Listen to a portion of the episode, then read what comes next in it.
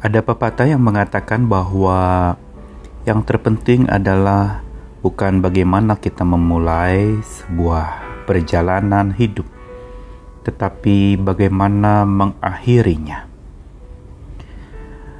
Pepatah ini adalah sesuatu yang mau menekankan bahwa bukan dari titik pijak kita saja yang penting untuk kita berjalan, tetapi juga bagaimana kita menjalaninya prosesnya untuk sampai ke tujuan. Ini yang sering kali kita abaikan, kita kepingin sampai di ujung perjalanan kita yang penuh kebahagiaan yang kita idamkan dan mimpikan, tapi sering kali kita justru kepayahan pada saat menjalani waktu menuju ke arah tujuan itu. Saya Nikolas Kurniawan menemani dalam sabdanya menyapa kita lagi hari ini dari 2 Samuel pasal 22 ayat 21 sampai 22 dan 31.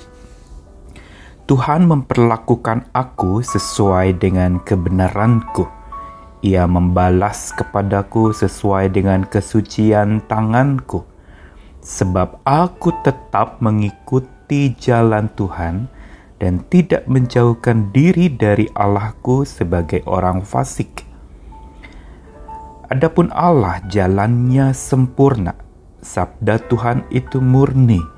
Dia menjadi perisai bagi semua orang yang berlindung padanya. Daud adalah seseorang yang mengalami kesesakan hidup yang banyak dia cukup kenyang dengan berbagai macam pergumulan konflik, dikejar-kejar oleh Raja Saul yang tidak menyukainya, ingin dibunuh.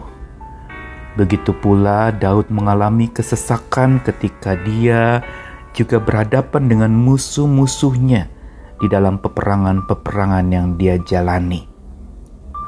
Tetapi kekuatan Daud justru adalah terletak bukan dari modal senjata yang dia miliki, tetapi modal iman. Harta yang kuat di dalam dirinya itu adalah imannya. Sehingga ini yang membuat dia akhirnya bisa melewati perjalanan demi perjalanan hidupnya dengan berkemenangan. Bahkan Alkitab mencatat bahwa semua peperangan yang dipimpin oleh Daud itu berakhir dengan kemenangan. Rahasianya apa? Rahasianya adalah bagaimana Daud melihat tentang sempurnanya jalan Tuhan di atas tidak sempurnanya hidup dia. Sempurnanya Tuhan itu melampaui akan segala ketidaksempurnaan yang dia hadapi. Dia berhadapan dengan hidup yang tidak sempurna, dia berhadapan dengan keluarganya yang tidak sempurna, dia juga berhadapan dengan keberadaan di sekitarnya yang tidak sempurna.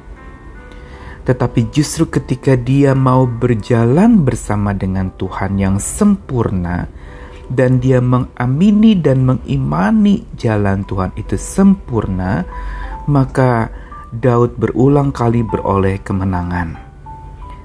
Setelah kesesakan, dia mendapat kelegaan. Setelah kelam hidupnya, dia tercerahkan.